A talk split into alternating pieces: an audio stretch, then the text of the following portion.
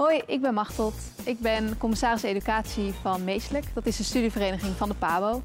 Ik ga in deze serie mensen interviewen die de PABO hebben gedaan, maar inmiddels op een hele andere plek werkzaam zijn dan voor de klas. Straks ga ik Bianca Verstegen interviewen. Zij heeft uh, de PABO gedaan, daarna heel veel gereisd en inmiddels heeft ze Nederlands als tweede taalbureau. Ja, ten eerste superleuk dat je mee wilt doen en uh, bedankt daarvoor. Um, ja, ik begin eigenlijk het interview altijd even met de vraag aan jou. Vertel even kort wie je bent en uh, wat je op dit moment doet. Ja, ik ben uh, Bianca Versteeg. Uh, ik woon in Breda en ik werk sinds kort. Heb ik een opdracht om een NT2-locatie voor nieuwkomers op te starten in Bergen op Zoom. Oké, okay, en NT2 is Nederlands als tweede taal? Inderdaad. Okay. Ja, superleuk. Um, ja, op dit moment doe je dus, uh, werk je dus met Nederlands als tweede taal daarin. Hoe ben je daar zo terecht gekomen? Ja, ik, uh, ik werk daar niet uh, voor mezelf als, als, als leerkracht. Ehm, ik ben niet aangenomen gewoon als leerkracht, maar het is een opdracht voor het bureau waar ik voor werk. En dat is bureau NVT, Nederlands als vreemde taal. Oké. Okay. Ehm, en samen met mijn partner Petra Roel um, werken we al heel lang in het uh, eh, NT2 en NVT-veld. En ja, nu uh, leiden we leraren op, we maken lesmateriaal en we geven af en toe nog zelf les. En dat is nu heel eventjes uh, het geval. Dus okay. een hele leuke ervaring, ja. En wat is dan precies het verschil tussen NT2 en NVT? En T2, dat is um, Nederlands als tweede taal. En zo noem je het als mensen in Nederland, om in te burgeren, Nederlands leren. Dus naast hun moedertaal of moedertalen uh, die ze beheersen, leren ze het Nederlands. En dat is eigenlijk ja, de taal die ze dagelijks nodig hebben. Ja. Bijvoorbeeld de kinderen die hier straks naar school moeten gaan. Ja. Uh, Nederlands als vreemde taal, dat uh, gebruiken we voor het Nederlands dat je in het buitenland leert. Dus je kent ja. vast, vast, wel universiteiten overal over de wereld waar ze Nederlands leren. Maar ze ja. leren ook Nederlands als vreemde taal um, in de buurlanden. Bijvoorbeeld in Frankrijk leren Franse kindjes uh, Nederlands. Gewoon als vreemde taal. En in Wallonië, in Duitsland. Maar ook in het Caribisch gebied. Oké, okay. ja. Oké, okay, nou dat is inderdaad een duidelijk verschil. En um, die geeft dus in allebei eh, de eh, vakgebieden leid je dan docenten op om die lessen te geven.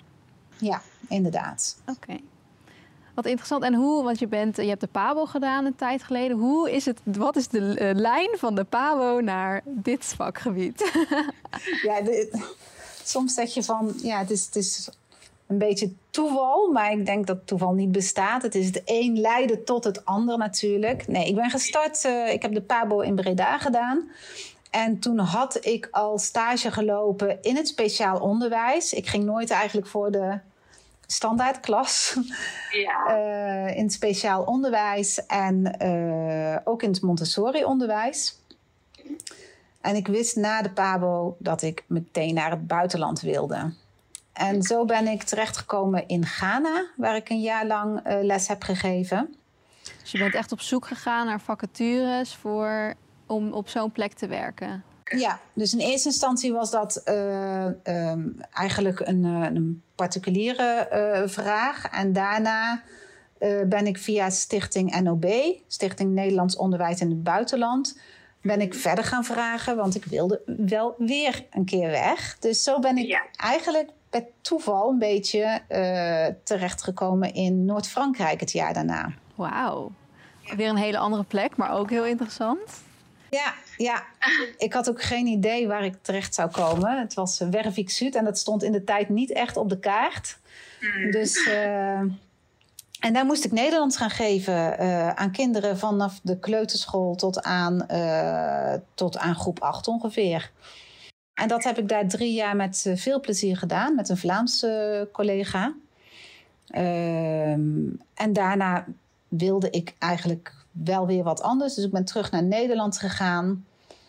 En na drie maanden werd ik al uh, teruggeroepen door de Franse onderwijsinspectie om daar het Nederlands als vreemde taal in de regio te gaan coördineren. Dus dat wat ik op een school had gedaan, om dat ook in de regio te gaan doen. Te gaan coördineren, leraren op te leiden en zelf nog les te geven. En dat heb ik zo'n 15 jaar gedaan in Frankrijk. Wauw. Dus dan heb je daar ook wel echt een leven opgebouwd, denk ik. En daar gewoond een lange tijd. Ja. Bijzonder. Ja, en super interessant, want je leert dan, uh, natuurlijk leerde je in Ghana al dat er een andere manier van leven en ook een andere manier van lesgeven was. Maar in Frankrijk, dan zit je daar zo in.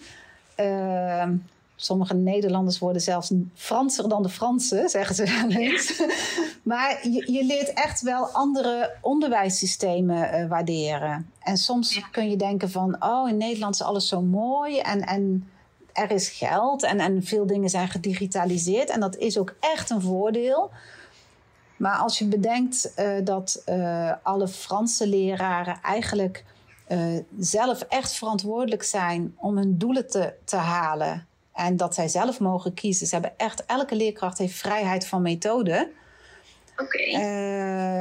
er moet natuurlijk wel uh, goed verloop zijn, maar ze hebben vrijheid van methode, dan ben je zo bewust bezig met ieder kind, met, iedere, met, met hoe dat je die doelen gaat halen.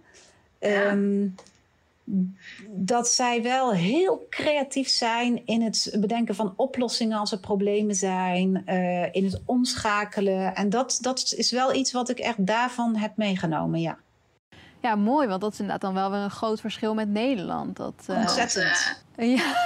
Ja, het is zelfs echt een, vind ik, een, een heel sterk punt uh, van het Franse onderwijs. Ja. Echt de autonomie van de leraar. Ja, ja, inderdaad. Ze moeten echt zelf uh, ontzettend op zoek naar materiaal. Het is niet altijd leuk.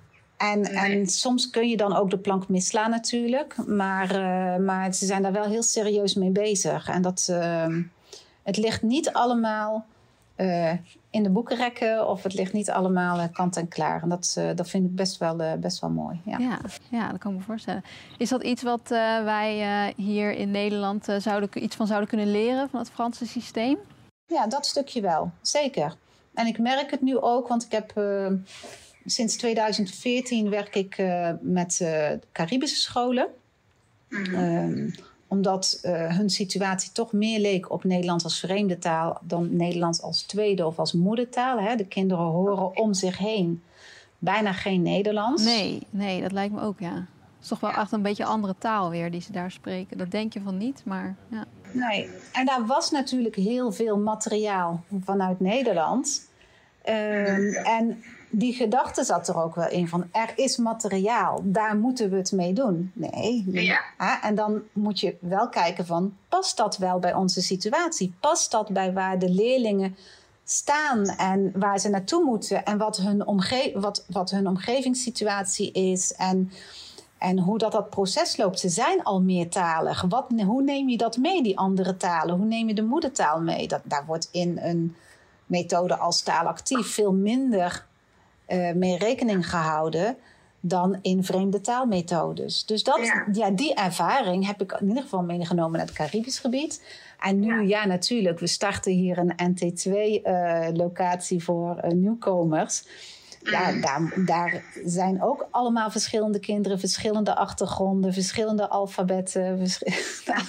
Dus daar kun je ook niet zomaar zeggen, we pakken daar één, één methode voor. Nee, nee, dat is ook echt heel erg differentiëren en na, naar het kind kijken wat past bij, of bij de leerling, wat past bij de leerling. Ja. En wat mooi, want wat ik mooi vind um, aan jouw verhaal is dat veel mensen denken misschien als je de PABO doet, dat is echt gericht op Nederland en op Nederlands onderwijs. Maar jij bent echt een voorbeeld van iemand die wel heel internationaal is gegaan met de PABO. Ja. En um, wat, heb je dat altijd gehad, die reislust en het idee op de PABO van ik ga naar het buitenland? Of is dat uh, pas daarna gekomen? Nee, die reislust was eigenlijk vooral het eerste jaar.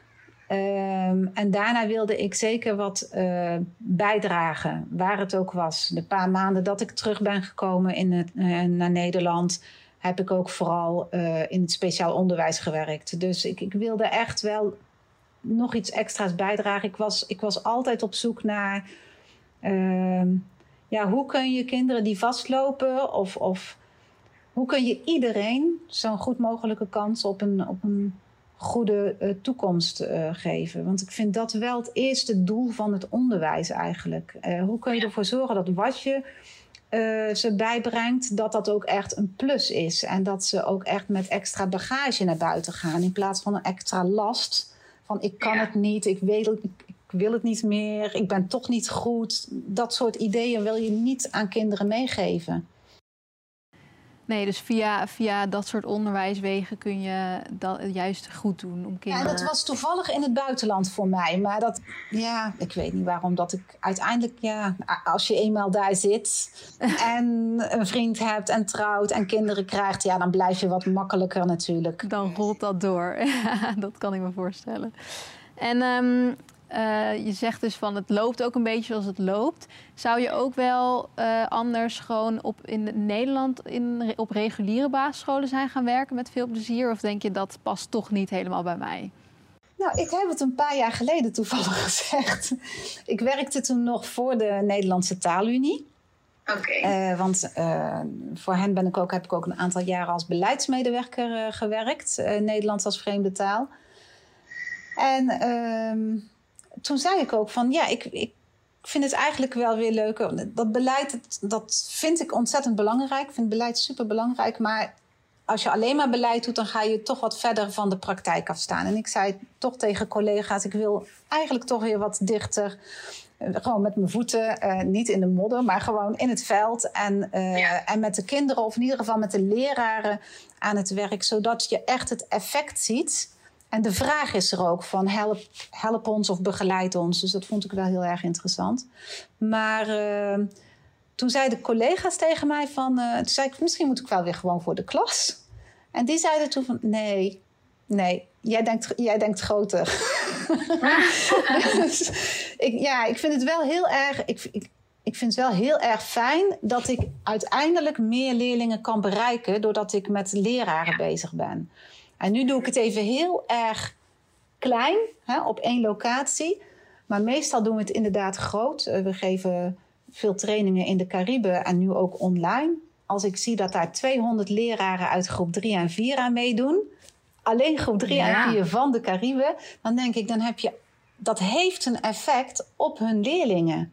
Ja. En ja. ja, het hoeft niet groter en meer, maar ik vind het wel ontzettend fijn dat. Um, dat ik die ervaring, en, en Petra heeft datzelfde gevoel, weet ik, dat we, dat we het niet zo klein houden. Dat, dat we dat kunnen delen en, uh, en dat mensen daar heel positief over zijn. Dat is vooral heel erg leuk. Ja, dus dan toch op die manier een groter publiek bereiken. Is de PABO daarvoor, denk je, voor dit werk dan een, een goede basis geweest? Of had je dan misschien een andere opleiding gekozen als je opnieuw zou kunnen kiezen? Ja, ik heb natuurlijk uiteindelijk niet alleen PABO gedaan. Ik heb, een, ik heb toch wel veel cursussen ook gevolgd. Uh, ook omdat ik zelf uh, uh, veel congressen en cursussen organiseerde. Dus dan ging ik daar ook naartoe. dus die heb ik ook echt wel gevolgd. Ehm, wat ik eigenlijk mis voor NT2 en NVT is toch wel een gedegen lerarenopleiding. Het hangt dan nu vaak enigszins een beetje aan. Aan een lerarenopleiding. Er zijn, er zijn nu ook NT2-opleidingen, hè, maar ja, die kunnen binnen een jaar afgerond worden. Mm. Um, als ik zie hoeveel vragen wij krijgen van NT2 en NVT-leraren en docenten, dan, uh, dan merk ik dat, dat er toch wel echt structuur mist nog. Dus, dus ja, ja, Ik, ik, zou, ik zou liever hebben gehad ook voor mezelf. Ik heb het nu allemaal moeten uitzoeken. En dat heeft me ontzettend veel gebracht. Want het heeft me ook heel veel ervaring opgebracht. En ja. het was een beetje een tijd waarin we ook nog heel veel financieel konden proberen. Het was niet zo ja. erg, weet je wel, als er, iets, uh, als er iets mislukte. Daar, tegenwoordig is men daar toch wel wat uh, voorzichtiger mee. Ja, dus er zou wel echt een meerwaarde zijn in een uitgebreidere opleiding voor NVT en T2. Ja. ja. Ja, ik herken het wel. Mijn moeder die heeft NT2-opleiding gedaan. Die was inderdaad een jaar, was dat. En die zegt, die heeft ook veel collega's die uit de PABO hebben gedaan, uit basisonderwijs komen. Dus dat is inderdaad ook vaak een opleiding die mensen daarvoor doen. Maar inderdaad, dat het toch wel, het is toch best wel weer een vak apart.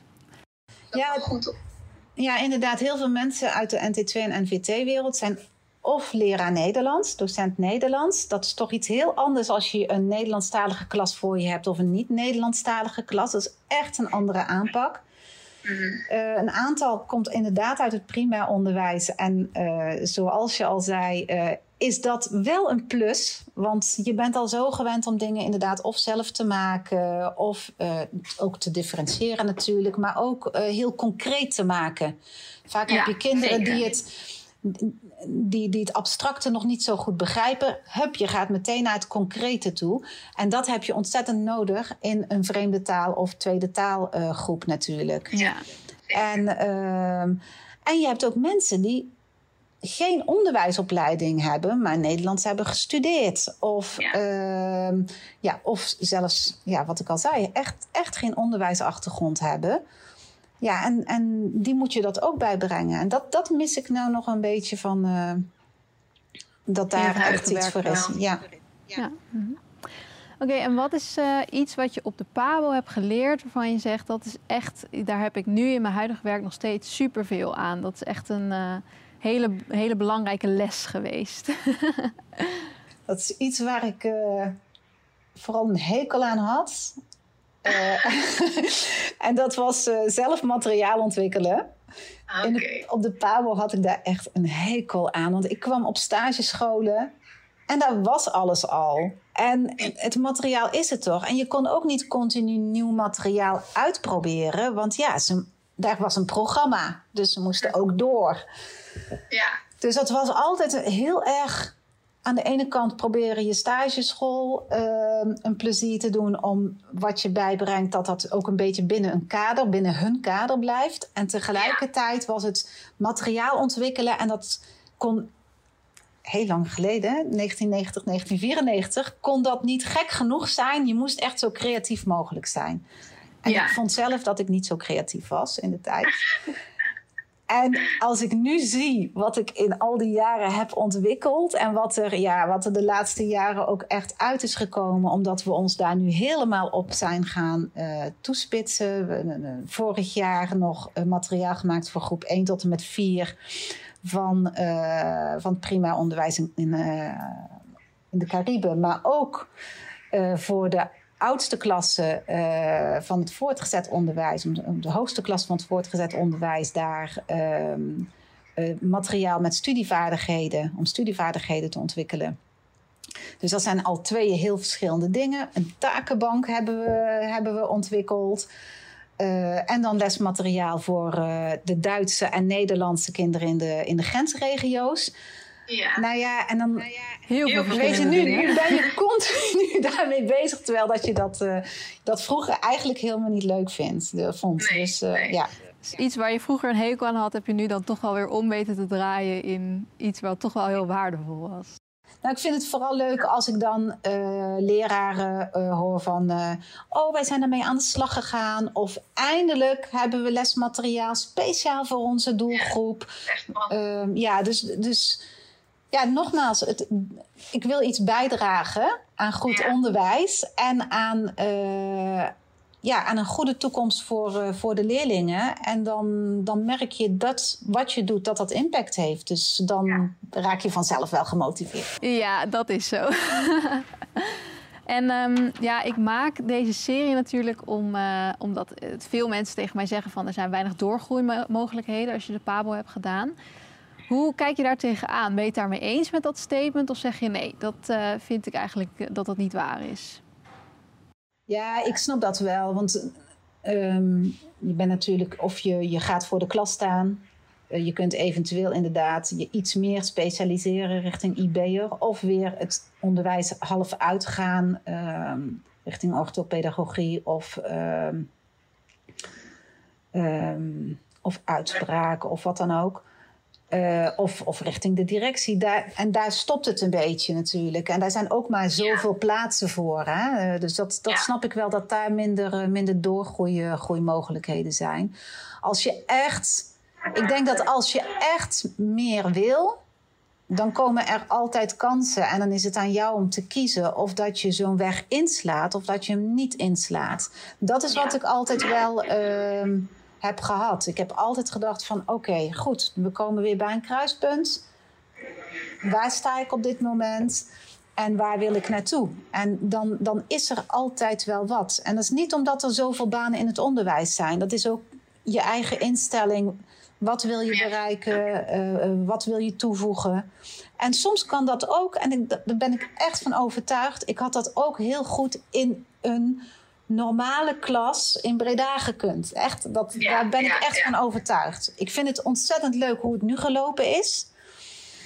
Um, maar ja, zoiets kan ik me ook wel voorstellen. Dat, uh, ja. ja. ja. En dan heb ik nog een laatste vraag. Uh, wat zou je huidige PABO-studenten willen meegeven?